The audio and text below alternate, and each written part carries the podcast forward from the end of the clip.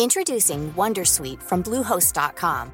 Website creation is hard, but now with Bluehost, you can answer a few simple questions about your business and get a unique WordPress website or store right away. From there, you can customize your design, colors, and content. And Bluehost automatically helps you get found in search engines like Google and Bing. From step-by-step guidance to suggested plugins, Bluehost makes WordPress wonderful for everyone. Go to bluehost.com/wondersuite. Say hello to a new era of mental health care. Cerebral is here to help you achieve your mental wellness goals with professional therapy and medication management support. 100% online. You'll experience the all new Cerebral Way, an innovative approach to mental wellness designed around you. You'll get a personalized treatment plan from a therapist, prescriber, or both in a safe and judgment free space. Your cerebral therapist or prescriber will outline a customized plan with clear milestones along the way so you can get to feeling your best. With Cerebral, you're not alone in your mental health journey. We're here to empower you to live a fulfilling life. So take that first step towards a brighter future and sign up today at cerebral.com slash podcast and use code ACAST to get 15% off your first month. Offer only valid on monthly plans. Other exclusions may apply. Offer ends July 31st, 2024. See site for details. Och då skriver han så här, du kan ofta avgöra no hur bra något är beroende på vem som hatar det. Du lyssnar på Rika Tillsammans-podden som handlar om allt som är roligt med privatekonomi. I den här podden får du varje vecka ta del av konkreta tips, råd, verktyg och inspiration för att ta ditt sparande och din privatekonomi till nästa nivå på ett enkelt sätt. Vi som gör den här podden heter Jan och Caroline Bolmesson. Idag är det dags för avsnitt 114 Mm. och eh, idag så tänkte jag att vi skulle prata om Ramit Setis 10 regler för ett eh, rikt liv. Mm. Så att, eh, Kul! Det finns nog de som inte vet vem Ramit Sethi är. Men Nej. du kommer att köra en sån intro på honom väl? Ja, det, jo, det är klart jag hade tänkt. Nej, men eh, detta eh, är ju att, eh, vad var det, för tio år sedan? Minst tio år sedan var det. Vi läste hans första bok väl? Ja, precis. Mm. För att eh, då var vi, jag tror det var, vi var i Bangkok, var vi inte det? Vi var jo, i vi var i jo, men det var vi i Bangkok och så kom vi till någon bokhandel Mm. och du hittade Ramit Sethis bok I will teach you to be rich. Ja, med en sån indisk kille på framsidan. Ja, och vet du vad jag hittade? Nej. Detta är ju lite pinsamt. Trump, your Trump card. Och så var det, ehm, vad heter hon, Iv- Ivanka Trump Ja. som hade skrivit någon bok. Ja. Eh, och så tänkte jag, men jag ska läsa den här och se vad detta är för någonting. Och det var inte skit, det som stod i den. Nej, Men nu är det liksom så, ska man ha den i bokhyllan eller inte? nej, precis. Men i vilket fall, vi har i alla fall Ramit Sethis bok i bokhyllan. Ja, precis. Så den hette I will teach you to be rich och den var väl liksom också en av de böckerna som då för tio år sedan mer också så bekräftade för oss att vi var på rätt spår där med liksom indexfonder och att... eh, För då Har vi hade, hållit på med det så länge? nej, vi, då hade jag börjat titta på det. Liksom, Mm. det var och inte, så, det var så inte så... bekräftade han att det är det man ska hålla på med. Det ska vara tråkigt att investera. Precis. Och sen så pratade han om massa andra saker då, som till exempel just eh, det, den holistiska synen och den personliga utvecklingen och sådana saker. Och eh, nu för bara typ två månader sedan så kom det liksom så här tioårsjubileum, uppdatering av den boken. Mm. Och så tänkte jag så här att eh, vi har ju inte ens pratat om den här boken, trots att den faktiskt har varit en av de viktigaste Ja, den har varit en grundbult liksom, Ja. bland böckerna vi har läst. Ja, precis. Mm. Och detta är väl ett sådant avsnitt som jag egentligen längtar efter att få göra mer av. De här lite bokrecensionsavsnitten. Men Eh, det kommer inte komma fler. Jo, det, kom, det kommer det göra, men du kan ju... Men berätta nu Jan, hur enkelt du har för att, för att liksom läsa en bok för ett poddavsnitt. Ja, Det är inte så lätt. Nej. För det är massa annat som drar, eller hur? Ja, det tar för lite för lång tid och då Mm. läser jag ändå snabbt. Men skitsamma, vi ska inte prata om mig och min, mitt förhållande till böcker.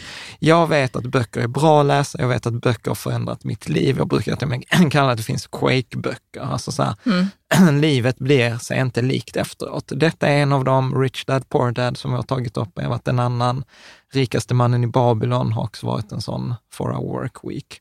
Så att eh, jag har väl en ambition att vi ska göra mer sådana avsnitt, men Mm. inte, inte, inte, inte en gång i månaden. Som jag Nej, tror det blir början. sällan, men, men det kommer. Ja, men jag tänker att vi kör, vi kör igång då. Att innehållet i dagens eh, avsnitt eh, kommer då vara liksom de här två viktigaste frågorna att ställa sig. Ramits Setis tio regler för ett rikt liv, hur man bör prioritera sina avbetalningar. Sen har han ett sånt här 30 sekunders test eh, som jag tyckte var ganska roligt. Att inte göra fel saker på eh, rätt sätt. Och sen också att eh, något som jag tyckte var kul var att han hade ett resonemang om att man ibland kan se värdet av något beroende på vem som hatar det. Eh, Spännande. Ja, och, eh, och sen så tänkte jag också, så här, var, han refererade till en studie där om gör pengar oss eh, lyckliga? Faktiskt. Så att det är väl lite dagens eh, innehåll, eh, tänker jag. Och eh, precis som vanligt eh, så kan man liksom antingen då, man kan läsa referatet också då på transkriberingen på, på bloggen. Och jag tänker att eftersom vi idag ska prata om en bokrecension, då hoppar vi villkor och liksom så här ansvarsbegränsning. Ja. Så jag tänker att vi kör väl rakt eh, in i Vi det. kör rakt in i det, men vi får väl säga vem Ramit Sethi Ja, är. För han är, du. ju en, han är ju andra generationens invandrare väl? Ja, han är ju indier. hans- ja, han är indier och bor i USA. Mm, Och hans föräldrar har eh, emigrerat från Indien. ja, precis. Och han är väl så här urtypen för Urtypen, han för- berättar om att hans föräldrar är så att de förväntar sig att han ska ha eh, A, Ja, högsta betyg. Ja. högsta betyg, A i alla betyg och att han ska vara bäst på de här eh, stavningsproven, de har spelling bees. ja, precis. Att det liksom var, det var han var för destinerad att, att vara bäst på det, liksom, Ja. för han var ju från Indien. Ja, precis. Nej, men det är också roligt att han tar upp det här, liksom att ja, han hade typ alla och så hade han något A minus. Och de var så här, bra att du fick bra betyg, men varför fick du ett A minus? Ja, men vad är Eh, det här? ja. frågar de. Och, och, sen, och så sa han så här, det är roligt för det verkar vara så här indisk grej att man ska vara besviken på sina, på sina, Sina barn, barn. oavsett vad som händer. Och han säger så här, jag har inga barn men jag är redan besviken på dem idag. Ja, ja, det får man säga att stilen på hans bok är ju kul. Liksom. Ja, han har ju väldigt, eh, alltså så här, om vi ska sammanfatta boken, det är en väldigt bra bok. Den, eh, i, i, i stora drag så säger den ju precis samma sak som vi säger, eh, som vi pratar om på bloggen. Men jag tänkte att vi skulle göra nedslag, kanske inte så mycket i att prata så här indexfonder, han är ju en stor fantast av indexfonder. Han till och med kallar indexfonder för den attraktiva kusinen i en annars oattraktiv familj.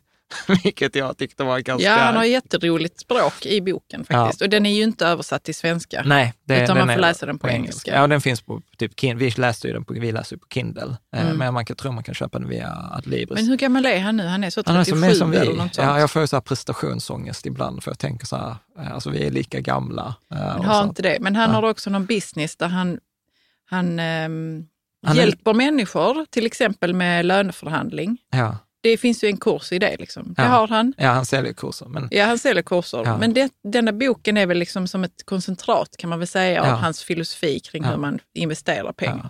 Och sen, han, dem. precis, och sen har han väl en grej som jag, som jag skulle vilja ha med och det är det här att han inte bryr sig om kritik. Mm. Utan han brukar skicka ut sina hatmejl som han får ibland och så bara så, ah, titta vilket... Skicka ut, eh, Ja, men alltså- i, till andra, e-post, han har ett nyhetsbrev. Ja. Eh, och, eller så skriver han om hatmejlen i boken, så detta fick jag från de här läsarna och så bara skrattar han åt det.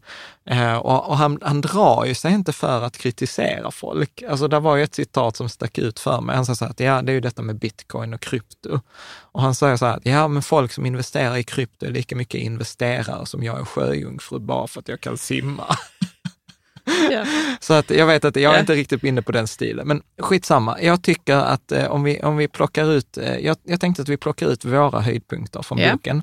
Eh, sen ska det också sägas att halva boken är väldigt amerikansk. Den handlar om de här 401ks, alltså tjänstepensioner, pensionssystemen systemet de har USA där. och sånt. Så att Ja. liksom, jag skulle säga att en tredjedel av boken kan man direkt bara hoppa över.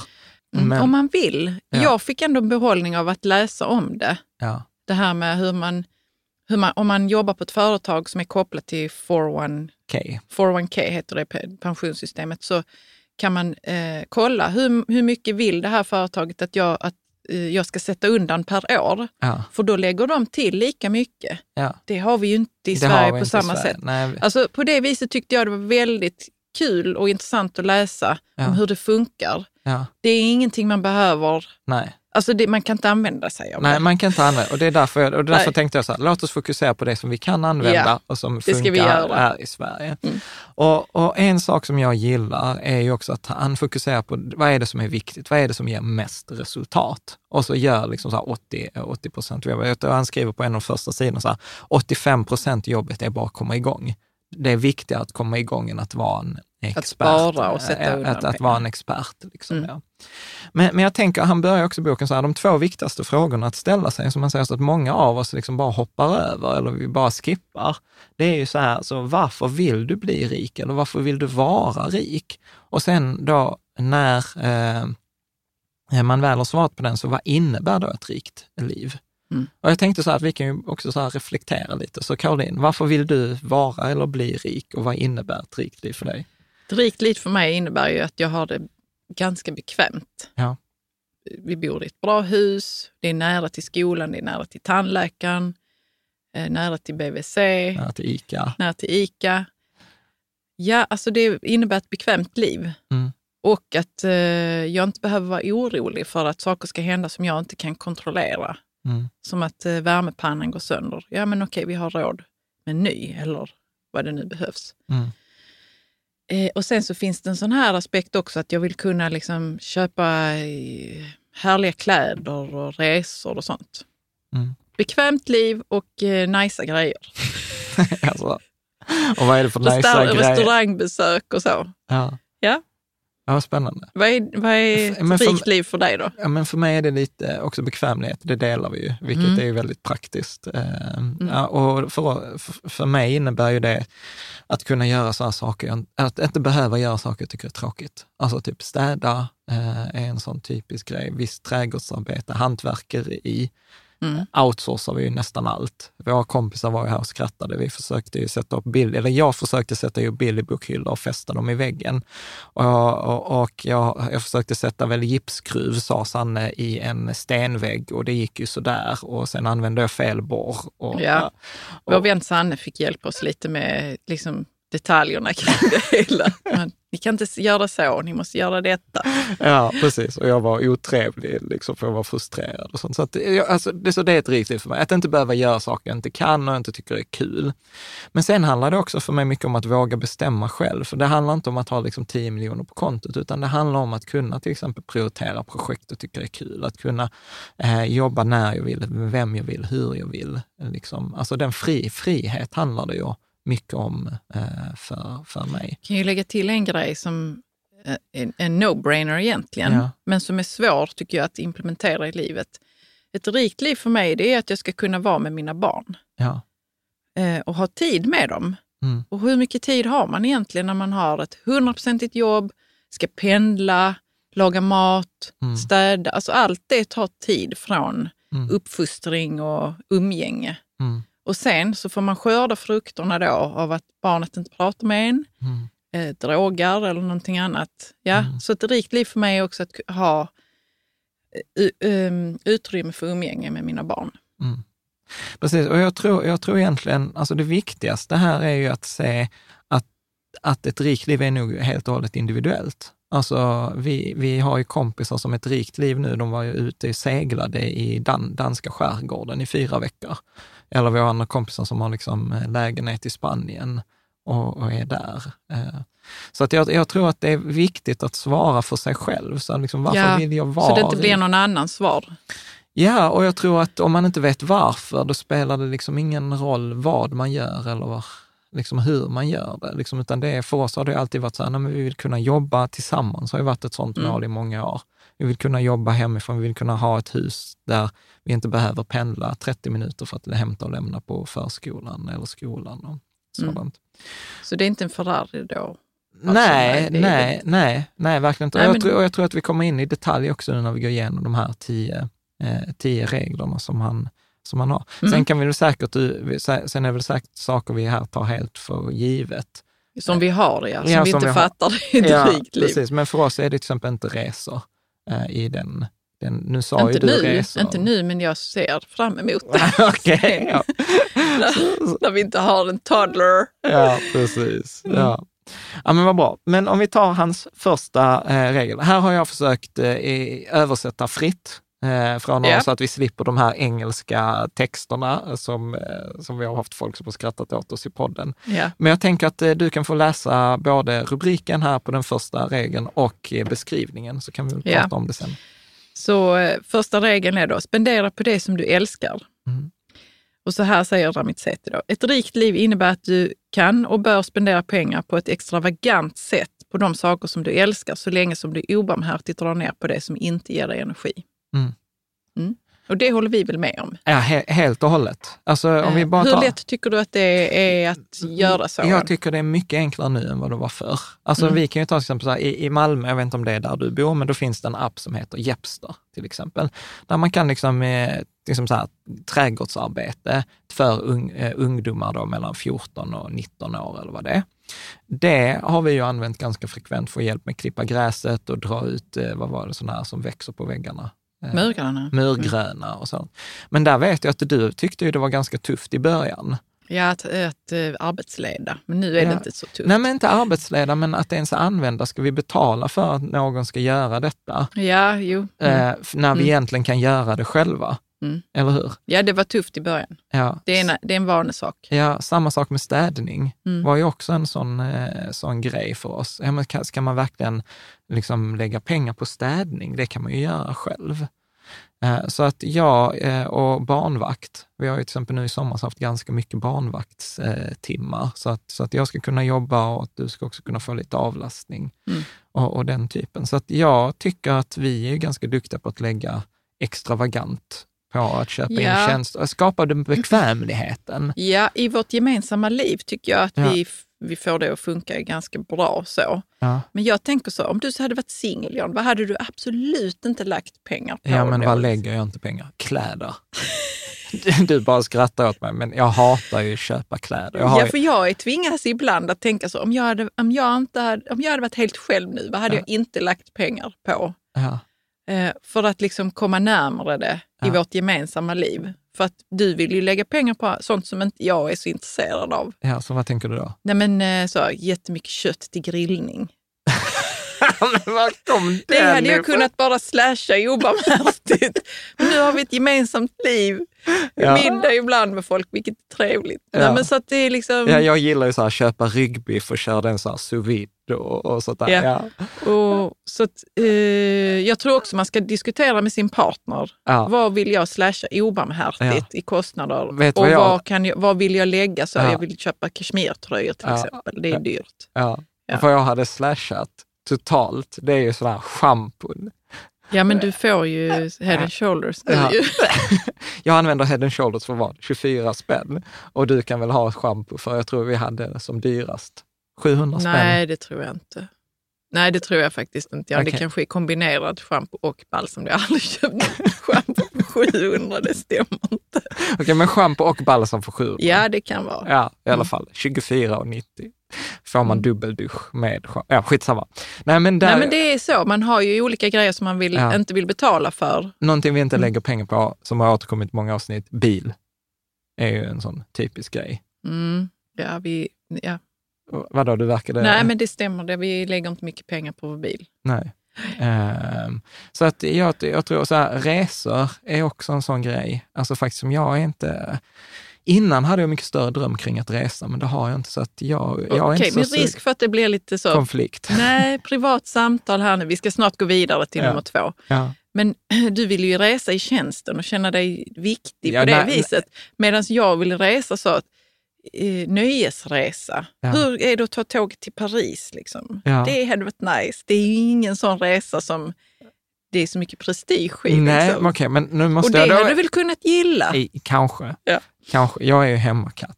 Mm. Nej, men jag måste bara förtydliga det där. Alltså, det där är inte riktigt sant. Alltså när jag var 18 eller pluggade, Mm. Då, var det, då, var, då hade jag en sån här syn på känslan, bara så här, tänk när man är så viktig. Alltså jag, har ju, jag har ju ett stort ego, tyvärr, det är Ja. bara att erkänna. Ja, det har du. Ja, så då var det så här, tänk när man är så viktig att man blir liksom flygen till ett möte. Och de börjar inte förrän Och, du och kommer. mötet börjar inte förrän man kommer. Och jag kan säga så här, efter att eh, ha en eh, sån här, eh, den här appen Wallet på iPhone, den visar ju varenda flygbiljett, för jag använder ju de här när jag checkar in. Alltså det är ju lite sån här eh, scroll of shame, alltså hur mycket jag har flugit i, i Mm. tjänsten. Mm. Så jag kan ju säga så här att fråga mina kollegor nu hur även jag, eller hur, hur oäven jag är för att flyga till Stockholm för att ta möten. Så att nej, jag, jag vill inte ha resor. Jag vill vara hemma, jag vill ha min dator, jag vill ha min familj, jag vill ha liksom så att det ska Dina grillkvällar. mina grillkvällar med ryggbiff. Ja, vad bra. Ja, bra. Men i alla fall, så poängen är som han skriver i boken, älskar man skor, lägg extravagant mycket pengar på skor. Jag Liksom. skäms inte för Och det. skäms inte för, För det. det, han gav exempel också på någon kille som, som spenderar så 21 000 dollar om året va? Ja, ja, på ute, alltså kvällar. att vara ute och äta och dricka och så. Ja. Och hur levde han? Han hade ju inte mycket, alltså han hade ingen inredning. För att Nej. det, han spelade ingen roll för honom. Han var singel, han ville inte Nej. lägga pengar på inredning. Han ville vara ute. Ja. Och jag tycker det är så himla skönt att man kan få lov att, eh, att strunta i vissa delar av livet då. ja, Och det gör ingenting för någon annan, det är ingen som lider av det. nej. Och man kan bara lägga pengar på det som man vill. Ja. Och det är väl liksom en av så undertitlarna till boken som är så här, drink how many lattes you want. Liksom, för det är ja, det här men det är ju också för att man ofta säger så att hur du ska spara pengar är att inte köpa kaffe Ja, på stan. Liksom. ja. Och då är han så här, vill du lägga liksom 100-200 spänn på en kaffe, gör det. Liksom, Ja. Bara så länge du har medveten konsumtion. Medveten konsumtion, ja. Ja, ska vi ta regel nummer två? Ja, vänta. Regel nummer två. Fokusera på the big wins. Tror Mm. du du hade tagit bort engelskan? Nej, men det var det få vara. Anyway. Ja. Fokusera på de stora vinsterna. De fem eller tio sakerna som kommer att ge disproportionellt stora resultat. Det inkluderar automatisera sparande och investerande. Hitta ett jobb som du älskar och löneförhandla. Få rätt på de stora vinsterna så kan du köpa hur många fikor som du vill. Mm. Mm. Ja. Nej, och detta är också sådär, liksom så här, gör det som gör störst skillnad. Så sa 80-20-regeln, den här Pareto-principen. Och jag tror mycket på det här. Kom igång tidigt, så fort som möjligt, automatisera det, inse att du är dina pengars största fiende. Sätt- Automatisera betyder ju att ha autogiro. Att ha till exempel den här autosparandet, att lägga direkt när lönen kommer in 10 procent brukar vi säga, direkt till en fondrobot. Låt dem investeras, liksom få det. Du, eh, du kommer spendera åtta timmar om dagen. De flesta av oss spenderar åtta timmar om dagen eller mer på våra jobb. Ja, men låt oss då välja ett jobb som vi tycker om. Det som kommer att spela störst skillnad eller göra störst eh, Jo, men liksom göra störst skillnad i din privatekonomi över lång sikt är ju den lönen du har.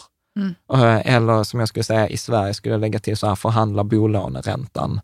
Det är också oproportionerligt liksom, mycket stor besparing. Med anledning till att han, han säger att man ska löneförhandla, det är ju Mm. för att det kan göra väldigt stor skillnad i hur mycket man kan lägga undan, Mm, hur tidigt i livet. mm, Och ju tidigare man förhandlar om lönen, desto större lön kan man få genom livet, Mm. för den hänger ju med på något vis. ja. Det där är ju faktiskt fortfarande ett drömavsnitt jag, jag vill göra. Jag håller på och värvar vår kompis Niklas eh, till Mm. att vara med i ett poddavsnitt om just det där med att hitta rätt jobb, Mm. att utnyttja sina, han som han kallar det, sina superkrafter och att eh, liksom löneförhandla. för att det kommer göra så, så stor skillnad, för det är från lönen de flesta av oss kan spara. Det är från Mm. lönen vi kan investera våra pengar. Och jag vet ju också att när vi läste den här boken för någon vecka sedan så kom du till mig och så skulle du, var du helt begeistrad över hur mycket mer pengar det blev om man sparade extra. Eller var, var det inte så? Jo, det var det. Ja. Jo, men det, han, han har ju sådana tabeller också, så han visar hur mycket extra, hur mycket mer pengar det kan bli om man sparar mycket tidigt i livet. Ja. Mm. Och, och framförallt att det är liksom så här, det här extra sparandet liksom gör, gör Mm. jättestor skillnad. sparandet Ja. mycket Eh, skillnad. Och det kan man ju kolla, vi har ju en sån här ränta på ränta-räknare, kan lägga ut länk, Mm. där man kan slå så här, men se om du har 8 procents avkastning och du sparar 1000 kronor i månaden, men kolla vad det blir om du sparar 2 500 kronor i månaden. Alltså det är enormt Ja, och det tror skillnad. man inte, för det är inte intuitivt. Nej, och, och det där är också en sån grej med jobb, om jag tänker, för jag har alltid fascinerats eh, över att, för jag har alltid stått lite på sidlinjen, för jag har aldrig haft ett riktigt jobb på det sättet. Jag har alltid drivit eget eller varit i bolag där jag har varit, haft ägarintresse i. Men varför slutar folk söka jobb när man har fått ett jobb? Alltså det verkar som att när, när man väl har fått ett jobb, då ska man inte fortsätta söka. Ja, men förklarar du för mig varför du tror att det är så? Jag, jag för, jag har aldrig hört, för jag har aldrig hört någon som har sagt att de gör det. Nej, jag, jag hade nog fokuserat på det jobbet jag har Ja. Tills jag blir uttråkad och då söker jag nytt ja. jobb. Det är väl det som, som alla gör? Jo, precis. Men då är jag så här, men det är ju en fantastisk grej. Att, man behöver inte ens byta jobbet, utan man kan ju säga till sin arbetsgivare, så här, du vet, jag älskar detta jobbet. Du vet, jag har blivit erbjuden 5 000 mer i månaden på, på det här företaget. Jag vill jättegärna stanna kvar här, men kan vi inte ja, bara titta på lönen? Ja, så kan man ju löneförhandla. Ja, mm. och då kan vi titta på lönen. Mm. Och är det, är det en smart arbetsgivare, för alltså så nu ska jag inte ge några tips, till, nu har jag inte så många anställda i och för sig, så att nu kan jag ge det tipset. Men det är så dyrt att rekrytera. Mm. Så det är mycket, mycket bättre att ge den personen så här 5 000 mer i månaden, om, om då den personen naturligtvis är duktig och värdefull, än att försöka rekrytera ny och lära upp en, en, en person. Mm. Sen kommer bli hatad av alla arbetsgivare här i Sverige just Nej, men jag tror de håller med dig, många ja. av dem. Mm. Bra. Ska vi, ska vi ta, ta nästa? Tre, eh, ja. Mm. Att investera ska vara tråkigt. Att investera ska vara väldigt tråkigt och lönsamt över en lång tidsperiod. Jag blir mer inspirerad av att äta tacos än att se hur det går för mina investeringar. Mm. Och det är det inte du eller jag som äter tacos, utan då Ramit Sethi. Ja, men vi är inte inspirerade av tacos. Nej. Eh, men vi är ändå mer inspirerade av att äta tacos än att titta på... Ja, ja, ja, än att jag, och jag är inte så inspirerad av att titta på investeringarna. Nej, jag, du är ju det. Ja, fast ändå inte. Nej. Alltså så här, jag kan inte säga när jag loggade in på vårt Lysa-konto sist. Nej. Eh, faktiskt. Eh, och jag är inte inne på Nordnet. Vanligaste inloggningen, anledningen till att jag loggar in på Nordnet är för att svara på frågor på Shareville. Mm. Så att, nej men jag brukar, vi, vi har ju sagt det i så många avsnitt, att investera ska vara som att se målarfärg torka. Det ska vara så tråkigt som att se gräs växa. Och alltså, varför ska det vara så tråkigt? För, för att vi är våra pengars största fiende. Alltså pengarna ska jobba över tid. Och sen har du dessutom en annan ganska intressant statistisk aspekt på det att eh, eftersom börsen går upp i sex av tio eh, gånger, eller sex av tio dagar, eller 60 procent av fallen, så ju längre period du inte loggar in på ditt konto, desto större... Och håller på och meckar med pengarna? Ja, mecka, ja, man ska absolut inte mecka med det, för det är, bara, det är bara dumt. Men ju längre mellan de mellan du loggar in, desto större är ju sannolikheten att det kommer gått upp, eftersom det är fler utfall av de där 60 procent positiva dagarna.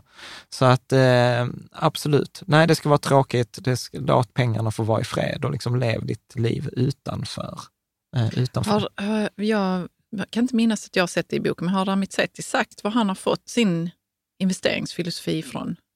Nej, jag vet nej, det inte. Så, det ska jag kolla ja. lite för det kan ja, inte nej, jag kan på. Inte, jag kan det inte minnas känns som att han har nog haft någon äldre mentor eller någonting. Ja. Som... Eller så är han bara indier.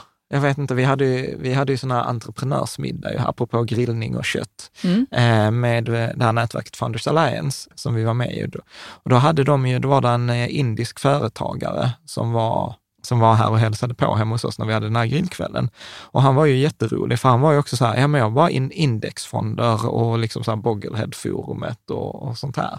Bogglehead?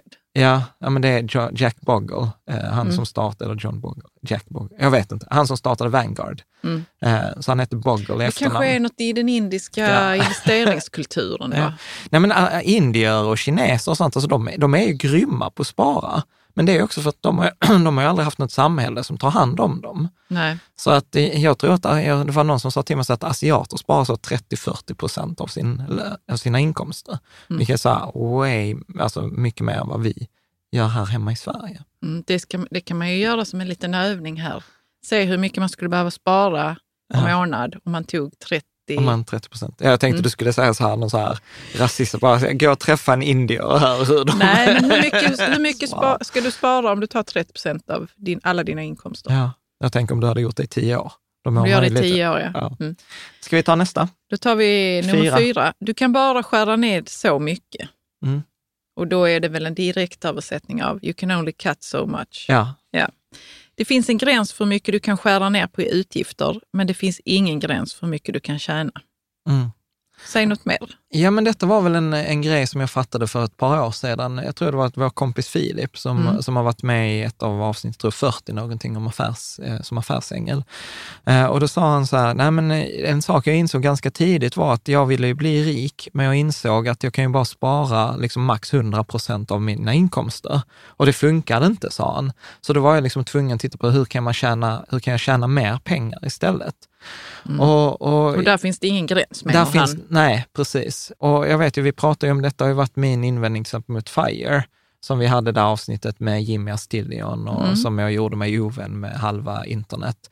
Där, där jag sa att liksom, hellre fokuset på att tjäna pengarna, men, men jag tror att för de flesta är det mycket svårare. Och vi lever i ett samhälle där vi alla har lärt oss att spara pengar. Vi har lärt oss, vi har sett de här artiklarna, så här sparar du, förhandlar du bästa bolåneräntan, så här drar du ner på kaffekoppen och så här.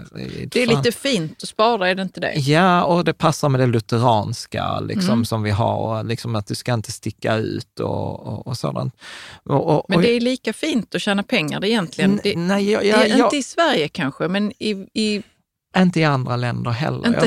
Jag, jag, Okej. ja, men jag tror att ibland pratar vi om så att vi har den här jantegrejen här i Sverige. den, har, den finns ju överallt Ja. visserligen. Men i USA är det ju fint att tjäna pengar till exempel. Ja, jag skulle nog också säga att det är en sanning med modifikation. Det är i alla fall, och det, detta, jag tänkte på detta när jag skrev den här rubriken, att jag är väl, eller vi är ju några som bidrar till det. Vi pratar också hellre om att spara Ja, och inve- investera än att tjäna pengar. Mm. Trots att liksom egentligen vår framgångsfaktor egentligen varit, inte så mycket att vi har varit duktiga på att spara, men att vi har varit ganska duktiga på att tjäna Ja, pengar. men båda två kombinerade tror jag. Ja, Mm. och, och det sticker ju i ögonen och jag, ibland så här så jag pallar inte den kritiken.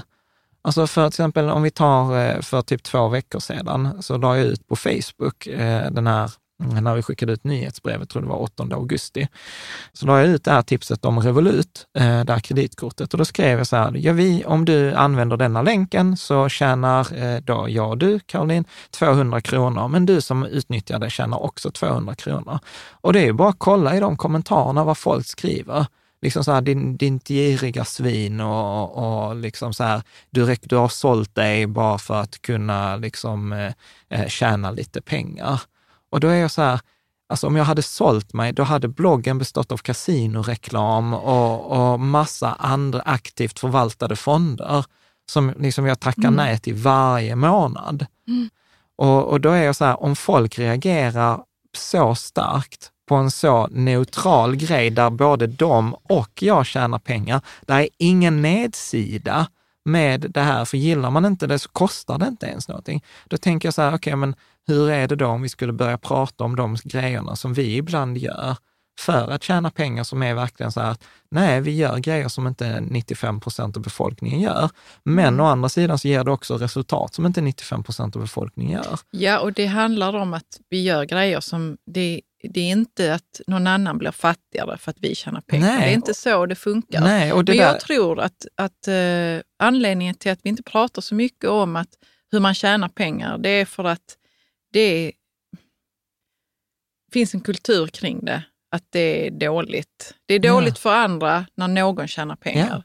Att det är ett, att det är Det är- vinst, att det är ett, ett, att det är ett andra. nollsumme. Precis, att det är ett och det är nollsummespel. inte så det funkar. Nej, och det roliga är, vet du vad, jag pratade med en kompis om det där bara för någon dag sedan, att eh, det där, den insikten på vad, liksom så här, när den kom på 1600-talet, var första gången den insikten kom. Om nollsummespelet. Ja, att det inte är ett nollsummespel. Okej. Mm. För innan så var det ju så att kungen var ju den eh, som ägde allting och då ville inte kungen att folk hade företag eller att de tjänade pengar. För då var det implicit att om de tjänade pengar så tjänade kungen mindre. Det var först när man fattade så här, om folk tjänar pengar med själva så kommer alla bli mycket rika, för skatterna kommer också bli rika. Mm. Och det är så här, det är 2019, men vi har fortfarande liksom en helt politisk sida som inte fattar att skatteintäkterna blir högre för att man sänker skatterna. Är ni med? Så att, jag förlåt, nu blir jag engagerad här. Men, Ja. men, men det är, de flesta fattar inte det. Och, man behöver, och det är inte trivialt, man måste tänka lite ett par steg. Hur kan lägre skattesatser innebära en högre skatteintäkt? Mm, och då tänker du specifika skatter ju. Ja, eller generellt. Alltså Generellt. Det, det är ju bara att kolla. Ja, detta har jag inte satt mig in i, Jan. Jag Nej, men det- vi ska men det ta det nu Nej, heller. men det är, samma, det är samma princip. Liksom, titta, man kan titta, jag kan ta, plocka fram det till något kommande avsnitt. Mm. Men grafer under Reinfeldt-regeringen, Då sänkte man skatterna, jobbskatteavdraget och, och liksom vänstern och så gick i taket. Men varför avskaffade inte då vänstern de här jobbskatteavdragen när de kom till makten efter alliansen? Mm. Nej, för att skatteintäkterna blev ju högre under den perioden. Så de tjänar ju mer pengar på att sänka skatter, för då jobbar folk mer och det blir mer intäkter, kakan blir större. Men som sagt, jag, jag märker ju så att vi kommer behöva ha ett avsnitt om det här med, med att tjäna pengar och företagande. För, ja, för att, och, och, att alla kan ha ett mindset ja. där man tjänar lite mer pengar. Ja. Och alla blir gladare faktiskt av ja, det. Det precis, handlar det inte hand... om att man ska bli liksom, någon slags eh, entreprenör. Nej, utan det eh, handlar, det handlar om... Utan alla, vem som helst, vilken Svensson som helst kan tillägna sig ett sådant mindset. Ja, och det handlar ju om, jag, jag är uppfostrad och detta är ju Klas-Erik och många andra som jag har haft i min närhet i 20 år, som har liksom blivit indoktrinerad, som heter så här, skapar du värde för andra människor, liksom hjälper du att, andra människor att få det som de vill ha, så kommer andra människor att hjälpa dig få det som du vill ha. Mm. Och det är grunden i allt företagande. Liksom, hjälp andra människor nå sina mål, så hjälper de dig att nå ditt mål. Mm. Och sen handlar det om att då kunna kapitalisera, eh, kunna kapitalisera på, på det. Mm. Men det är också bara titta liksom så här, eh, ja, nej, vi lämnar. Vi, vi får komma tillbaka till detta i ett annat avsnitt. Vi är bara på fyran. Ja, jag har mycket att säga på detta ämnet, märker jag. Vi, vi tar ett eh, avsnitt med det. Ja. Mm. Så går vi vidare till regel nummer fem. Ja. Lyssna inte på andra, följ din plan. Mm. Dina vänner och familj kommer ha många tips till hur du ska genomföra din ekonomiska resa. Lyssna, var artig men håll dig till din plan. Mm. Och detta skrev jag ju om för första gången i vår egen bok, min och Charlies, eh, mm. när vi skrev där Gör ditt barn rikt. Att särskilt våra föräldrar ska ju då dela med sig av sina fantastiska eh, liksom ekonomiska tips. Men många gånger så får man ju titta på så här, så hur mycket substans är det i de tipsen? Liksom, och hur mycket... Ja, oavsett vem det är. Hur, hur hur har, har det gått för ja. den personen som kommer med tipset? Ja, och framförallt var det, var det tur eller var det skicklighet? Mm. Är det repeterbart? Alltså som till exempel många äldre pratar ju så här, och köp ditt hus och du betalar till dig själv och huset kommer alltid stiga i värde. Ja, det har det gjort från 1990 fram tills nu. Det är ingen naturlag. Tittar du från 1915 till 2015 så har du ingen prisutveckling. Mm. Alltså så att, eh, och sen så... så Hur ska man veta sånt? Nej, men man, så här, håll dig till en plan som, liksom så här, som, som vi pratar om, som, som är evidensbaserad, som är vetenskapligt be, beprövad, som, som står i flera böcker. Mm. Det är mm. också en sån grej. Konstigaste kommentaren jag får så här, wow, du, det är Jan, det är som du säger, det är inget nytt, det kan man läsa om i andra böcker. Jag är så här, skitbra, liksom, ta inte det jag säger vid face value, det är väl en bra grej att du kan läsa Ramit Setis bok och, liksom, och bara säga, nej men detta säger ju Rika Tillsammans också. Och, eller läsa Alan Roth, How a second grader beats Wall Street och säga så här, men han pratar ju precis samma siffror som, som mm. de gör på ja, Rika Tillsammans. Absolut. Så att jag är så här, Sant. hade alla människor som delar med sig av sina tips, liksom, eller jag ska säga så här, titta, titta på vad de har för resultat innan du följer någons tips. Mm. Liksom, för det är inte säkert att du, du vill vara där de är. Nej, och sen har vi väl pratat om det tidigare, att man ska ha en plan ja. och inte hålla på och hatta ja, ja, från den planen heller. Ja. Utan man bestämmer sig hur planen ska se ut långsiktigt. Ja. Precis. Och så är Nej, men det, det, det man det, kör på. Liksom. Precis, jag brukar använda på workshopparna som går ut på att man ska skapa sin egen plan, eh, så brukar jag prata om det här att det är väl som man står i kön på ICA. Vet, man står i kön på ICA och sen ser man att den andra kön verkar gå snabbare. Så går man och ställer sig i den kön. Och vad är det som alltid, eller för mig, vad är det som alltid händer mig idag? Att den första kön, om jag hade bara stått kvar så hade det gått fortare. Mm. Och, och, tanken är då att om man bara byter kö tillräckligt många gånger, som liksom så här, oh, guld är intressant, oh, indexfonder är intressant, oh, räntefonder är intressant, oh, det där trine är intressant, oh, bitcoin är intressant. Alltså om man byter kö väldigt många gånger så kommer du aldrig komma fram till kassan. Nej. Liksom. Så att mm. håll en plan, håll dig till den. Och det behöver inte vara svårt. Det är så här, avsnitt 99, that's it. Vi har mm. gjort den här kom igång med ditt sparande. Det är all planen du behöver. Mm. Det är 85 procent av, av jobbet. Mm. Jag vet inte att jag blev så engagerad i detta, de här avsnitten eller de här reglerna. Ja, men det är spännande. Spännande. Ja. Men vi, vi kan gå vidare till eh, regel nummer sex nu då. Ja. Definiera dina ramverk för utgifterna. Mm. Sätt ihop en samling ramverk för dina utgifter som du kan använda när du överväger att köpa något. De flesta har bara restriktiva regler som till exempel, jag behöver dra ner på att äta ute. Men du kan göra tvärtom. Bestäm dig för vad du alltid ska spendera pengar på. Till exempel om du funderar på att köpa en bok. Köp den. Spendera inte ens fem sekunder på beslutet. Att tillämpa en idé från, från en bok kan vara värt det. Mm. Nej, men jag gillar detta. Vad var kontentan här nu egentligen? Att man ska, att man ska ha, regler, ha medveten konsumtion? Medveten konsumtion och definiera regler och ramverk för vissa saker.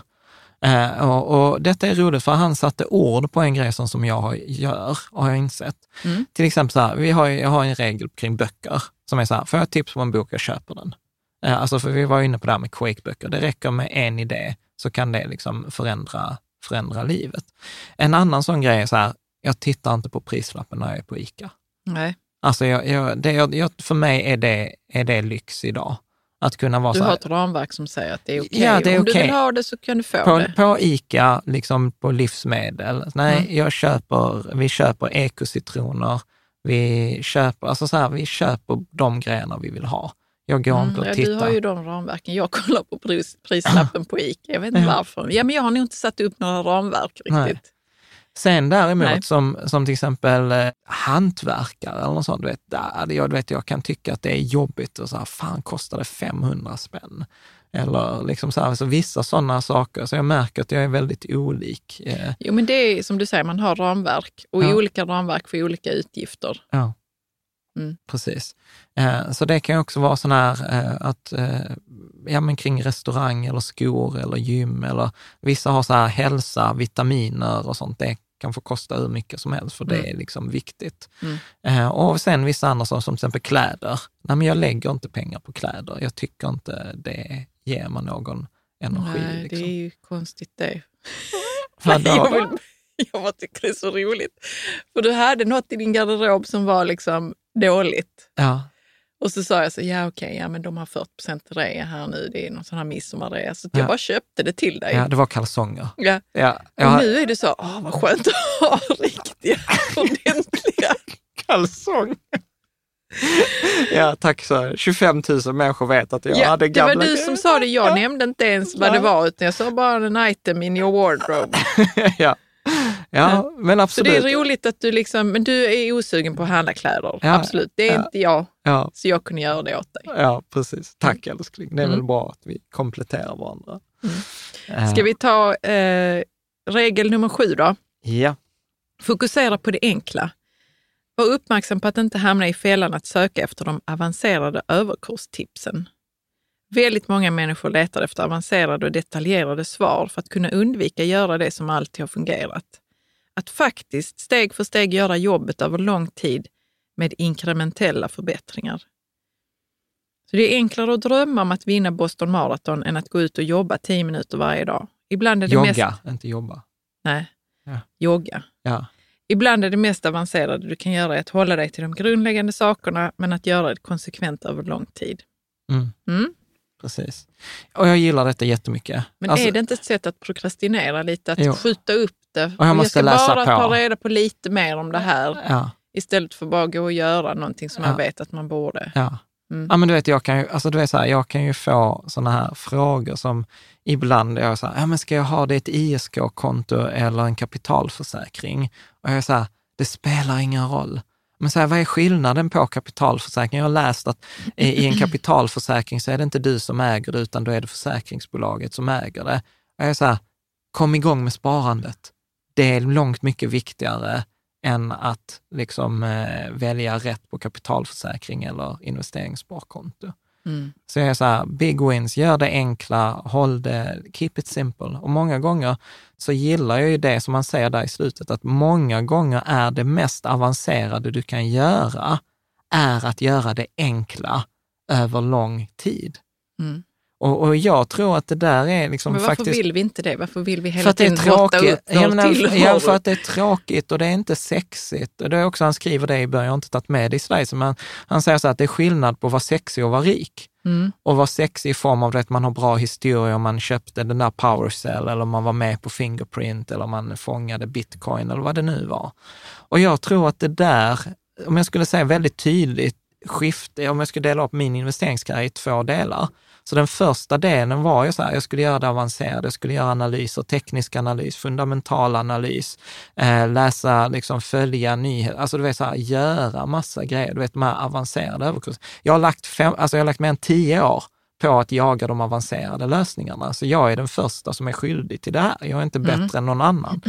Men i den andra delen de senaste tio åren, då har jag varit väldigt duktig faktiskt på att köpa de här indexfonderna varje månad och sen inte göra någonting med dem. Att köpa mm. fondroboten. Men det är ju ändå hoppfullt att du kan vara en sån dålig kålsupare. Ja, men jag har och nu sen gjort mer... förändra ditt sätt. Ja, jag mm. har ju nog gjort mer misstag än de flesta. Jag har ju förlorat mer pengar än de flesta, definitivt. Jag liksom. gillar det där att man kan förändra sättet man är på. Jag måste bara ge ett litet tips här på en ja. bok som jag läser som ja. du också gillar. Det är ja. den här uh, Living with a Seal, ja. en Navy Seal av Jesse Itzler. Och där uh, är det en kille då som uh, vill att en seal, en Navy Seal... En sån här, USA, de är de bästa, väl, mest vältränade militärerna Ja, mest finns. förberedda för vad som än kan hända. Han vill att en sån soldat ska komma och kom, bo hos honom och bara säga till honom dagar. precis vad han ska göra i 30 dagar. Och han, han menar på att det, det är också det där, det mest avancerade du kan göra är att bara göra det. Ja. För att han behöver göra, alltså han behöver ut och yoga mitt i natten och sådana ja. saker. Och bada i is och sånt, ja. i isvatten. Och det, från början har han ett liv där allting drar i honom. Och, på, och efter 30 dagar med Navy Sealen så är han så, det finns vissa saker som man bara gör.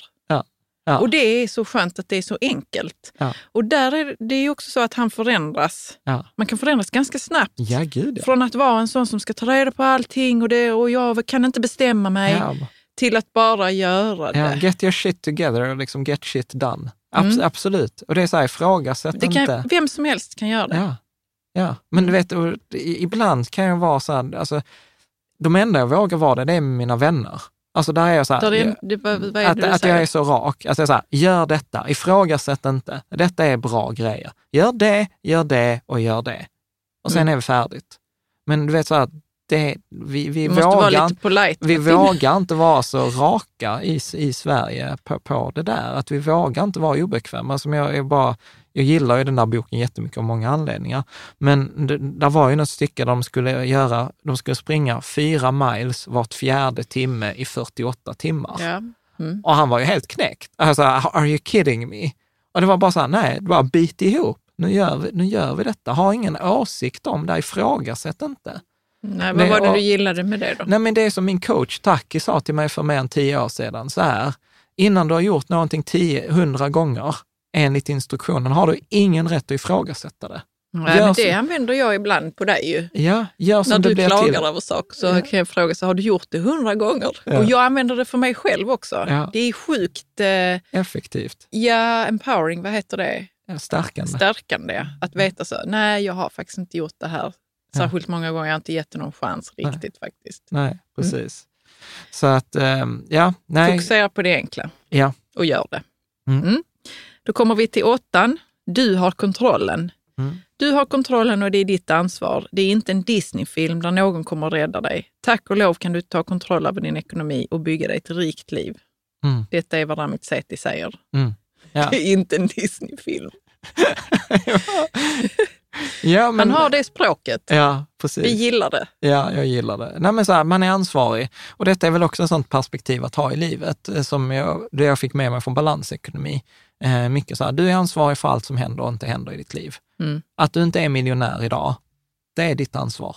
Mm. Det, det, är en följd av att du har gjort vissa saker i ditt liv och det är en följd av att du inte har gjort vissa saker i ditt liv. Och det kan vara ganska skönt att veta det. Ja. För att då vet man också att allting beror på mig och ja. då har man all makt. Ja, och det kan också vara jäkligt jobbigt, för, för i vissa avseenden så var ju livet mycket enklare när jag kunde ligga på soffan, käka glass och, och dra täcket över mig och tycka att eh, liksom Reinfeldt är dum och Stefan Jag vet inte livet Löfven. var enklare då, Jan. Jag tror att det är sjukt jobbigt att vara ett offer. Ja. Och vi är ju det ibland. Det är ju ja. jättejobbigt att vara ett offer. Ja. Och det är någon annans fel och jag har inte makten i mitt liv. Ja, ja precis. Mm. Förutom då när du gör fel, för då är det ditt fel. um, jag ska inte ens kommentera det. Nej, vi, Vill du säga något mer om att du har kontrollen? Nej, nej men det är väl alltså det är som du säger, det är stärkande. Det är så här, vi, kan, vi kan göra någonting åt det. Det är möjligt. Det är inte för sent. Det är klart att ibland så var det så att bästa till, du skulle ha gjort detta för 20 år sedan, men du gjorde inte det för 20 år sedan. Näst bästa tillfället är idag. Mm. Alltså så här, lite no frills, liksom så här, fan, så här är det. Mm. Bra. Vi går vidare till näst sista, då är det nio. Våga vara annorlunda. En del av att skapa sig ett rikt liv är- är att vara villig att vara annorlunda på ett eh, oursäktande sätt. När pengar inte längre är en primär begränsning, då har du friheten att designa ditt eget rika liv. Med stor sannolikhet kommer det vara annorlunda från den vanliga personens liv. Omfamna det. Det här är den roliga biten. Mm. Mm. Ja, här tänker jag faktiskt, det spontana är faktiskt kring dig. Att, eh, Vad tänker du då? nej, men när när du slutade på Lunds universitet så sa vi så här, "Nej, men nu tjänar vi tillräckligt mycket pengar för att kunna jobba tillsammans och för att du ska kunna vara liksom ledig en viss, eh, en viss tid. Och, och då var ju din kommentar så här, men Jan, jag har inte doktorerat för att bli hemmafru. Men när man är hemmafru är man inte ledig. Då jobbar man ju hemma. Ja, Vad var din inte tanke sk- kring det? Att, eh, nej, men jag vet ju att vi har ju haft detta samtal, vi har ju andra vänner som är i samma situation, som inte behöver jobba lika stor del, men det kommer ju en skam i det. ja, det gör Liksom. det innan man har...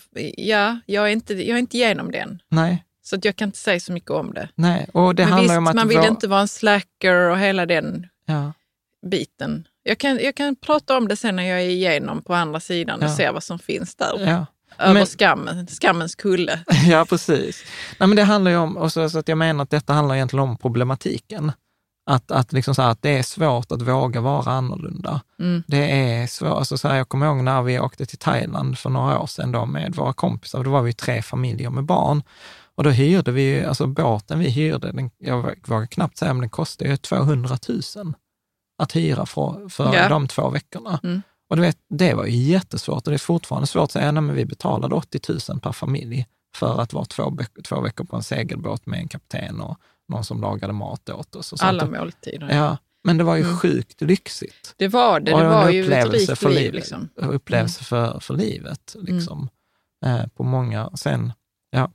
Så att jag, jag tror att det handlar om att våga, våga vara annorlunda på, på det sättet. Jag tror också faktiskt. man behöver vara medveten om vad man vill då. Och Ja. då måste man lyssna inåt ja. och inte utåt. För att då kommer det inte till en. Ens, ens egen röst är ganska så, Ja. den viskar bara liksom. Och sen Mm. behöver man inte vara dryg heller. Alltså man behöver liksom inte ta med kompisar som man vet kanske kämpar med ekonomin. Så bara så, men vi går och käkar på den här restaurangen där det kostar 5 000 spänn per skalle. Liksom, det, alltså då är man lite dum i huvudet. Ja. Ja, Nej men det han, ja, precis, man behöver inte vara dryg. ja, eh, Eh, det, jag upplevde det som att diskussionen var lite högre upp, Jan, att, att vad vill man med sitt liv? ja, men säg någonting mer om det då. Jo, för det kan vara så att jag inte vill eh, åka iväg till ett jobb Ja. varenda dag. Ja, Eh, och låt säga att, då att jag vill eh, lära mig eh, kalligrafi. Liksom. Mm. Och det är någon som kommer och säger så, vad sysslar Jans fru med egentligen? Mm. Ja, Jag vet inte, hon håller på med några tuschpennor eller något. och, och det är den kulturen vi har här i Sverige. mm, Att man, kan, man får inte vara, man får inte självförverkliga sig. mm, För det sker på någon annans bekostnad. Mm. Hon lever på honom. mm. Eller ja, whatever det kan vara. Och det är nog det som det handlar om liksom också, för min Ja. del, att våga vara annorlunda. ja precis. För att jag har ju möjligheten. Mm, Mm. precis. Skita i de kommentarerna. Ja, och inte be om ursäkt. Nej. Det är det han, han sa, så här ex, explicit så skrev han där, in a non-apologetic way. Mm. Så att eh, absolut. Nej, jag, jag, jag, jag tänker väl att detta är väl en, en utmaning. Eh, och det hänger ihop med att man behöver våga ställa sig den här frågan, så vad är ett rikt liv för mig? Vad är Mm. det, vad är det, vi, vill, vad är det vi vill göra? Mm. Faktiskt. Mm. Mm. Ska vi ta den Vi sista tar den tian? sista. Lev utanför kalkylbladet. Ja. Lev ditt liv utanför kalkylbladet. När du väl har automatiserat ditt sparande kommer den viktigaste delen av ditt liv pågå utanför Excel. Det handlar om relationer, nya upplevelser, om att ge tillbaka. Du har förtjänat det. Mm. Mm. Ja, jag tyckte detta var jättefint. Mm. Eh, och, och, och det handlar ju i mångt och mycket om att, eh, hur ska jag säga så här, det, jag har ju själv suttit där med världens största Excel-fil och gjort så här, om vi får 6 procents avkastning, då kommer vi ha så här mycket pengar om 20 år. Och, och räkna sparkvot och räkna ekonomisk frihet och liksom, och nej men jag ska inte spendera det där för att eh, då kommer det bli mindre 20 000 där. Kommer du ihåg detta som jag sa? Att, ja, det, att, han undgör sig ju rätt mycket över det här, det, det här nya sättet att räkna på sin ekonomi. Ja, man säger, eller... Nej, Ramitseti i ja. sin bok så undgör han sig över det nya sättet att räkna på sin ekonomi. Att jag ska inte köpa den här mössan nu för den kommer kosta 10 000 för mig om 20 år. Mm. Då kommer den ha kostat mig så mycket. Mm. Detta har vi ju pratat om. Absolut. Det handlar ju också om medveten konsumtion ja. på det sättet att ja, kommer det vara värt det? Mm. Men jag tycker han har rätt mm. i sak faktiskt. Precis. Sen tror jag att, återigen att det handlar om att ha en balans. Alltså jag håller nu på med en sån här app för att liksom så styra och ha koll på sin ekonomi. Men det handlar ju mer som en hygienfaktor snarare än att det är så här, alla beslut ska tas utifrån eh, utifrån Excel. Mm. Nej, men jag tror att det viktigaste här är också att tänka på, kanske inte så mycket prata om Excel eller kalkylbladet, utan att säga, okej, okay, men det som är viktigt, vi är människor, vi är djur. Det som är viktigt för oss, det är ju flocken, det är ju relationer. Det hade vi i det avsnittet, tror jag var 111, med Tommy Ward, vår parterapeut, som sa att det är en tydlig koppling mellan välmående och hälsa och liksom att ha en partner. Ja. Och, sådant. och sen så tror jag också som han pratar om att jag såg en definition på lycka som var så här, lycka är upplevelser tillsammans som man delar med andra människor, eller minnen man delar med andra människor. Mm. Och naturligtvis Maslows trappan, liksom självförverkligande och om att ge tillbaka, att lära andra än det man är själv det högst upp på Maslows behovstrappa? Självförverk... Ge tillbaka? Nej, självförverkligande mm. är högst upp. Men att ge tillbaka är en stor del av ja. eh, självförverkligande. Så att jag, vet, nej, jag, jag, jag, vet inte om det är så mycket mer att säga kring, kring det. Nej, jag tror inte det. Jag tror alla förstår det här. Ja, men jag tänker att detta var egentligen för mig de, de tio stora guldkornen, alltså de här reglerna och, liksom, och resonemanget. Men sen var det ytterligare faktiskt några grejer, så här, detaljer som stack ut. Så jag tänker att vi tar det också innan eh, vi avrundar mm. eh, avsnittet. Så det, det an, som stack ut för mig, det var det här, hur prioriterar man avbetalningar? Alltså om man har en skuld på kreditkort eller man har skulder, liksom konsumtionskrediter, eller så, hur ska man göra för att amortera? Och då har jag alltid eh, liksom sagt så här, ja men amortera på det lånet som har högst ränta. Yeah. Eftersom det är det som du kommer betala mest eh, för, alltså kommer du spara mest genom att först ta bort lånet med högst ränta. Ja, det är ganska sunt. Och då skriver han om, om detta, liksom att detta är då en metod och den fungerar såklart, för det är ren matte, det är inte så mycket att ha åsikt om. Men då, då är det en annan amerikan som heter Dave Ramsey, eh, som då Ramit Sethi eh, pratar om, eh, som också har skrivit eh, en bok om det här att ta sig ur skulden. Och han pratar istället om snöbollsmetoden. Och snöbollsmetoden går ut på att eh, du, precis som med att betala högsta räntan, så betalar du det minsta möjliga på alla skulderna som du kan komma undan med. Men istället för att betala sen resterande belopp på det med högst ränta, så betalar du mest på den minsta skulden. Är med? För att genom att betala mest på den eh, minsta skulden så kommer den försvinna. Och när den har försvunnit, ja men då tar du nästa minsta skuld och så jobbar du dig uppåt. Och så säger han liksom så här att fördelen med detta systemet, det är inte matematiskt det mest lönsamma, men det är psykologiskt det mest eh, framgångsrika. Att man blir av med skulder. Man blir av och så känner man att man har gjort en framgång, att man har tagit ett steg och så får man energi till att ta nästa steg. Och, och den energin kan på mångt och mycket vara mer lönsam ja, och, och, du tjänar mer på det i längden, så du betalar av snabbare än den andra där det kan kännas hopplöst att betala liksom hela tiden på det här 300 000 kronors lånet, när man egentligen med liksom 15 000 hade kunnat betala av fyra skulder mm. på det andra. Så det tyckte jag var en sån här eh, parentesgrej. Eh, Vad är det för någon, eh, du har ju en sån här eh, liten eh, tabell. tabell. här. Det är snöbollsmetoden. Och högst, högst ränta, ränta först. Ja, ja. så gå igenom det jag sa och det nu. Kan man, ja, precis. Det var så här, varför fungerar det och hur fungerar det? Mm, det kan tänkte, man läsa på bloggen då, ja. om man vill. Sen är det 30 sekunders testet. Vad är ja. det för något? Jo, när man skriver i någon del där så här att eh, han säger att många gånger, så, min, han säger så här, min tes är att de 30 första sekunderna på ett ställe säger ofta allt man behöver veta. Att är, är, jag, på, är jag på en restaurang, blir jag dåligt mottagen de första 30 sekunderna, så blir det inte bättre under kvällen. Eh, och han säger liksom så här, eh, dåliga företag blir inte bättre, en dålig aktie blir inte bättre eh, över tid. Och, och, på, och så säger han så här, och på samma sätt, bra företag blir oftast bättre över tid. Och jag har tänkt på det här mycket, vi har till exempel kompisar som äger Tesla och de säger ju så här, Tesla-aktie eller Tesla-bil? bilen, bilen, bilen. Mm. Och de säger så här, du vet, det är för första gången jag upplever att en bil blir bättre över tid. För Tesla skickar ut de här uppdateringarna så att bilen blir smartare, den får nya funktioner. Så är det ju med iPhonen också. Eller till exempel nu med här eh, eh, betalkortet Revolut. Vi har haft det i sex månader och upplevt att det, det är mycket bättre kort nu än vad det var för sex månader sedan, för jag har fått fler nya funktioner. Ta till exempel eh, Avanza. Det är ett företag, det har bara blivit bättre över åren.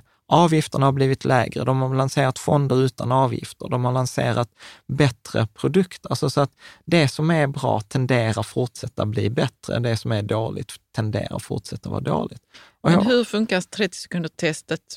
Eh, Alltså hur kommer det in här? Är det att man ska avgöra vad som är värt att... Nej, men jag tror att 30, han bara sa det som liksom en restaurangmetafor. Alltså, men det handlar väl om att liksom, eh, göra sig en uppfattning på kort tid? Ja, och lita, eller? och lita på den och inte sitta och Lita på hoppa. Jag har inte, jag har inte litat på att det kommer bli bättre. Alltså, om jag tar något helt annat, vi hoppar åt sidan, så är det en annan finansiell rådgivare som heter Alan Roth, som jag följer. Han har skrivit den här How a second grader beats Wall Street.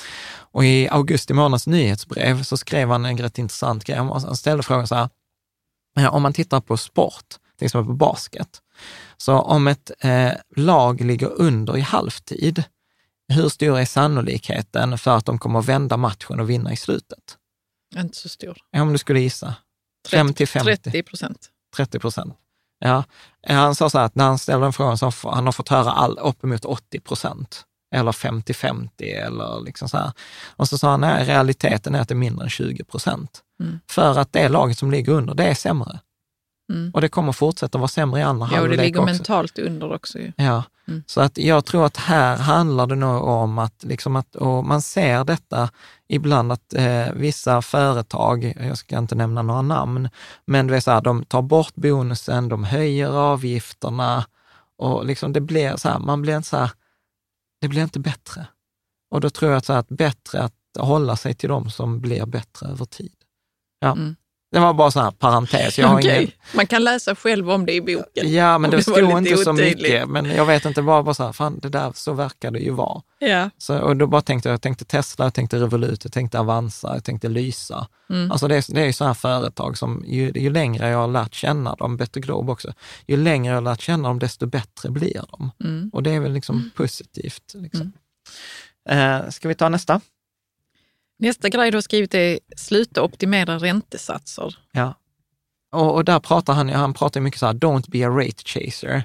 Och detta är väl också en sån grej som jag har tänkt på. Så att detta är väl mer så här confirmation bias. Alltså du vet, är det är saker jag känner igen. Ja, du känner inte dig träffad då? Nej, för jag känner, jo, för jag har gjort detta tidigare. Att Så- jagat räntor? Ja, att man var så här, åh nu ger det där, eh, det sparkontot ger 0,2 procent mer, så kan man flytta pengarna. Och, och sen när jag liksom eh, fick också så här tuff feedback från någon så här, så, här, så vad är timlönen på? Vad tjänar du på att flytta de pengarna? Ja, du tjänar 150 kronor. Var det värt det jobbet? Mm. Och, och detta är sån här, du vet den vanligaste frågan eller kritiken jag får också är så här, men Jan, varför har du räntefonderna i ett ISK? Det är ju inte det som är mest optimalt. Nej, det är inte mest optimalt, men det kostar 300-400 kronor extra. Ja, det är lätt värt i energi, det är lätt värt i andra, andra områden. Ja. Jag har människor som åker runt halva stan för att handla, tanka billigare bensin på ett ställe.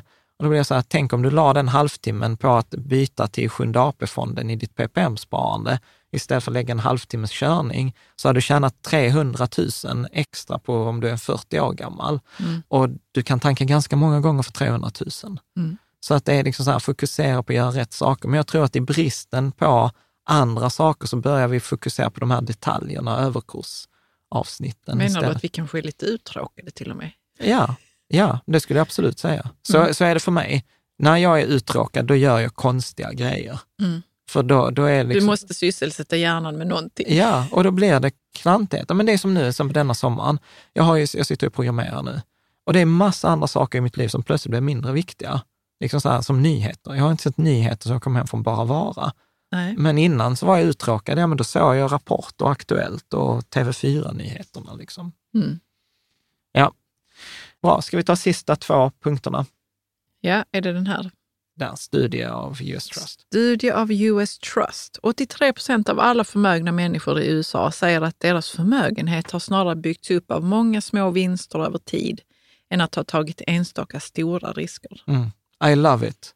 Det är typ så här, man, 83 procent av alla förmögna människor i USA. ja, det är så här, de har inte blivit eh, rika på att eh, de investerade i bitcoin och det gick upp 500 procent, eller de investerade i Fingerprint eller Powercell eller de här och gick upp, utan de har liksom snarare gjort det små steg över lång tid.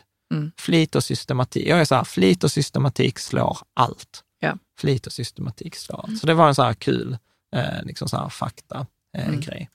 Sen var det en annan sån här som jag tyckte var lite rolig. Ja, värdet kan visas av vem som hatar det. Ja. Eh, och då skriver han så här, du kan ofta avgöra nå- hur bra något är beroende på vem som hatar det. Ja, Och ta sen- något exempel. Ja, och då tog han så här exempel, exempel så här, storbanker hatar nätmäklare. Mm. Alltså så här, eh, Avanza Nordnet är ju inte jättepoppis hos Swedbank eller SEB eller de här. Eh, nätmäklare hatar fondrobotar. Mhm. Det är som så här, Avanza och Nordnet försökte göra varsin fondrobot, det har aldrig riktigt lyft och de är ju inte jätteförtjusta i Lysa till exempel, där folk tar ut sina pengar och sätter in dem. Finansiella rådgivare hatar fondrobotar. Mm. Eh, Aktiesparare, folk som köper enskilda aktier, ja, men det, köpa en fondrobot, det är dumt. Det, är, det hade Varför vi, ska man göra det? vad det vi hade Förstår kunnat sätta i, nej, det? vi hade kunnat ta en Excel-fil och bara sätta ihop det och liksom eh, köpa. Och, och, och de flesta andra i sociala medier som är ekonomiintresserade hatar fondrobotar. Mm. Och det tycker jag är ganska kul. Så jag här, fondrobotar kanske är något man borde ha. Mm. Och, och detta är naturligtvis något som vi idag också pratar om i avsnitt 99. Så att det där är ganska kul, eh, inser jag, att eh, det är roligt att se de som kritiserar saker, varför kritiserar de det? Vad är det som gör Ja, att det slår ja, man får an? vara lite nyfiken. Ja, Eh, vad är det det slår an hos dem? Och är det någonting som jag håller med om? Det är Ja. det oftast inte. nej, nej, nej men vi, vi kan ju prata mycket om det där media, eh, men jag har ju varit med om grejer så många gånger att liksom så här, det som är common opinion, den allmänna uppfattningen, är väldigt sällan rätt.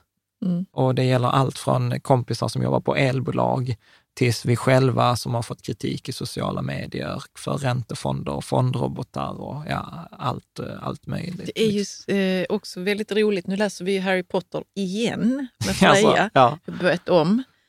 Eh, efter att ha sett alla filmerna och så också. Och alla hatar ju den här gruppen av elever på, på skolan som är med i elevhemmet Slytherin. Och eh, jag vill inte spoila någonting, så man får ju hålla för öronen nu om man, vill- om man inte har läst det. Men de är ju inte så dåliga som man tror. nej, Alla hatar Slytherin. Ja. Det är inte så dåligt Nej. egentligen. nej. Får de ju upprättelse på slutet kan Ja. man säga. Ja, precis. precis. Nej, men så, så är det därför jag är liksom så här skeptisk. Nu var det också när jag för Jag två tycker bara det är skönt att det är till och med i en barnbok, eller vad ska man säga? Ja. Ja, det är en barnbok. Ja, Så, så får man den visdomen. ja, precis, precis. Ja, ska vi ta nästa? Nästa grej är, gör pengar oss lyckliga. Mm. Och du har någon studie här som visar att pengar... Ja, han refererar, det är ju inte jag. Ramit Rami Sethi refererar. refererar till en studie som visar att pengar bara gör oss lyckliga upp till en viss nivå. Som han säger är 75 000 US dollar per år. Ja, i årsinkomst. Och vad kan det vara i svenska? 750 000 innan Ja. skatt. Liksom. Så att, eh, jag, tror, jag tror att svensk studie var på typ 50 000 eller 40 000 i månaden. Mm. Att upp till det. Mm. Men så är det rätt intressant. Då säger han så här att detta är en av de mest misstolkade studierna som har gjorts. För ja, det stämmer att eh, om man tittade på emotional well-being, som var då liksom frågan, alltså hur bra mår man utifrån, i förhållande till sin lön? Och då pikade det någonstans vid 75 000 US-dollar, ja men säg, säg en miljon svenska kronor. Men då säger han så här, de, om de frågade på life satisfaction, hur nöjd är du med ditt liv? Så fanns det ingen platå. Nej. Och det fanns ingen platå vid 75 000 dollar eller 50 000 dollar eller en miljon US-dollar. Utan den ökade och så att deras slutsats i studien, eh, vi måste ta fram den här studien och läsa den och ta upp den i ett annat avsnitt. Men då säger de så att i studien, ju mer du tjänar, desto mer nöjd är du med ditt liv. Och studien visade också att de som spenderade på pengar på att köpa sig själva tid genom att outsourca uppgifter de inte gillade, rapporterade en högre nöjdhet än de som tjänade mindre. Så att ja, pengar gör oss, eh, höjer life satisfaction. Oavsett, liksom, och ju mer pengar, ju högre life satisfaction. Och helt ärligt, skulle vi göra en helt ovetenskaplig undersökning bland våra, vårt umgänge, så skulle jag absolut säga att det går i linje med det. Ja, alltså du får ju ut en grej från den här sliden. Jag får ut det här att man måste vara källkritisk. Man aldrig kan lita på vad media säger. Never! Ja, För att de tolkar eh, vetenskapliga studier lite som de vill. ja nu vet jag att det där är en av dina hjärtefrågor. Ja, Eh, men det är, Ja. Ska vi, eh, liksom sen eh, sista grejerna som stack ut, det var ju Mm. det, detta har vi redan sagt, Eh, han var ju inte jättepositiv till krypto. Han, han skriver till och med så här, jag trodde zombies bara fanns i filmer. liksom. Och så att ja, jag- alltså, boken är läsvärd bara För- på grund av hans språk och vad, liksom, hans åsikter. Ja. Men det är kul. Ja, precis. Eh, sen, eh, sen, var han, sen pratade han också så här, alltså så här hemskt exempel. Som var så här, han var så här, om man är finansiell rådgivare som är shady, hur visar man... Shady betyder då Ja, lite skum, skum eller, ja. ja, eh, i gråzonen. Hur visar man att man har 100 procent rätt? Mot en sån. Nej, hur visar en sådan gentemot sina klienter att okej, de har haft visar- 100 procent ja, rätt? Berätta, berätta. Och då sa berätta. han så här, ja men säg att du har 100 000 eh, i en lista, e-postlista, och sen gör du ett aktieråd eh, som du skickar ut. Till hälften eh, skickar du ut att du ska köpa den, till hälften skickar du ut att du ska sälja den. Sen går aktien upp, så det betyder att du har du haft rätt till 50 000 som ska köpa den. Sen gör du samma sak, sen delar du upp den listan i nästa aktie och så tar du så här, köpa skickar du till 25 000, sen skickar du sälja till 25 000. Vad är det då att den gick ner? Ja, då hade de 25 000 som fick säljmedlet rätt. Så tar du bort de andra 25 000 och sen gör du så här 12 000, 6 000. För då till slut så kan du ha liksom 1000 pers där, där du kan säga så här, titta här, jag har haft rätt de senaste tio gångerna. Mm. Jag har 100 procent track record. Och jag var så här, shit vad enkelt och shit vad hemskt. Ja. Eh, liksom, så han Jag så vet här, inte vad jag ska säga. Ja, alltså. så han var så här, lita inte på finansiella rådgivare. Det var väl liksom en av hans eh, poänger med just det där eh, exemplet. Ehm, så att det var en sån bara, ja just det, Nej, men så kan man också göra. Sen eh, var det något mer som stack ut för dig? Nu har jag mest pratat Jo, om men eh, en sak som han har lagt till i denna versionen av boken, det är ju äktenskapsförord. I- Nej, förlåt. varför, varför säger du så? Du förstör hela min poäng. Nej, förlåt. Jag var det var entusiast. inte det jag tänkte säga. Det var den, den här emotionella biten av eh, att, att ha pengar, liksom, eller att hantera pengar. Mm. Som har att göra med hur vi liksom, vilka sanningar vi har om pengar, vilka Ja. vi tar med oss in i förhållande med varann, hur vi inte pratar om pengar med varandra. Han, hade, han insåg att han inte hade pratat med sin blivande fru Cass om pengar och vad, vad han ville göra med dem och vad de betyder för honom. Hur mycket han tjänade. Hur mycket han tjänade, han visste inte, hon visste inte hur mycket han tjänade. Hon visade sina siffror till honom, men han Ja. visade inte sina. Han bara, shit vad dum i huvudet jag är. och sen så skulle de ju skaffa ett eh, äktenskapsförord, för han kom in med sin business i äktenskapet och hon hade precis startat sin, Ja. som verkar jättebra faktiskt, måste Ja, jag säga. hon? Hon jobbar med människor som vill uppgradera sina garderober. Okej. Och det, hon har någon business som heter Next Level Wardrobe och jag har hennes Instagramkonto. Ja. Superbra. Okej. I vilket fall som helst, och då när de pratade om sitt äktenskapsförråd, nu kommer detta, då insåg han att han inte alls hade diskuterat om pengar med henne Mm. och eh, att det är nog inte, vi gör inte det bara. Mm. Vi pratar inte så mycket. Mm. Han som har skrivit boken I will teach you to be rich Mm. var en lika dålig kålsupare Ja. som vem som helst annars och han är medger det i boken. Ja. Ja. Eh, och eh, han har bra tips där också kring hur man pratar om pengar med sina nära och kära. Ja, det är kanske sådär äktenskapsförord, det är kanske en sån grej vi borde prata om vid tillfälle. Vi hade ju det. Eh, Vi hade det, men det var ju väl ett rätt litet. Det var ett rätt litet, Mm. ja. Eh, Men, men det är också en sån, ja det är ett ämne Det för ett var att annat du inte avsnitt. skulle ha kunnat ha tillgång till mina tillgångar. Ja, så var det. Uh, bra. Ja. Men vet du vad, nu har vi pratat långt över en timme igen. Ja. Eh, men jag tyckte så att detta var ju superkul. Och eh, det är kanske också så här, för vi har inte spelat in ett poddavsnitt på två veckor. Nej, så att vi har det saknat det lite. Mm. Vet du vad, tack för att du, du, du har lyssnat eller tittat på det här. Och eh, precis som vanligt, eh, om du inte prenumererar eh, på poddavsnitten, gör det gärna i din poddspelare. Tittar du på detta på YouTube, klicka på prenumerera, klicka på den här lilla klockikonen eller ringklockeikonen för att få notiser eh, när vi släpper. Vi släpper alltid nya avsnitt på söndagar ofta vid 8-9 tiden på söndagskvällarna. Eh, nyhetsbrevet skickar vi ut en gång i månaden, kan man mm. anmäla sig på rikesammans.se och de är ofta ganska matnyttiga. Där kommer bästa artiklarna och nu senast kom två tips, bland annat hur man skulle göra en inställning i Klarna-appen för att undvika mm. att bli... Liksom Säkerhetsinställningar. Ja, mm. så att det är, liksom, det är lite högt och lågt naturligtvis. Eh, sen kan man följa oss, vi hänger lite på, på Facebook, eh, inte så mycket på Twitter. Men faktiskt där vi hänger mest, eh, det är ju på Patreon. Och eh, Patreon kan man säga, det är en liten community för eh, personer som gillar detta, som detta, liksom, vi har alltid velat är rika tillsammans, att vi är flera som gör det. Så att vi är ungefär lite hundra pers och det är människor som tycker så här, men det vi gör är kul, de stödjer oss, liksom man väljer själv om man vill sponsra till en kopp kaffe i månaden eller en fika. Och sen är, försöker vi då... Alltså motsvarande. motsvarande. Vi, vi tar inte fikor med folk, Nej, det är utan motsvarande. Det, 25 kronor? Eller ja, 50 ja. kronor kostar ja. en fika idag. Ja, okay. Och eh, då lägger vi utbyte också där, så lägger vi ut extra material, vi lägger ut, det var någon som skrev så här, ja men de här digitala fika tillsammans, det är ju som en livepodd och man kan vara med och ställa frågor. Och så var det någon så här, måste man ställa frågor för att vara med? Och så var det bara, nej men jag bara lyssnar med. Så att vi har haft ganska roligt på de här digitala fika tillsammans. Ja, och det har mest varit du som håller i det. Ja. Men ambitionen är att jag ska vara med någon gång. Ja, också. precis. Och då har det mm. varit 15, kanske 15, 20, 25 pers.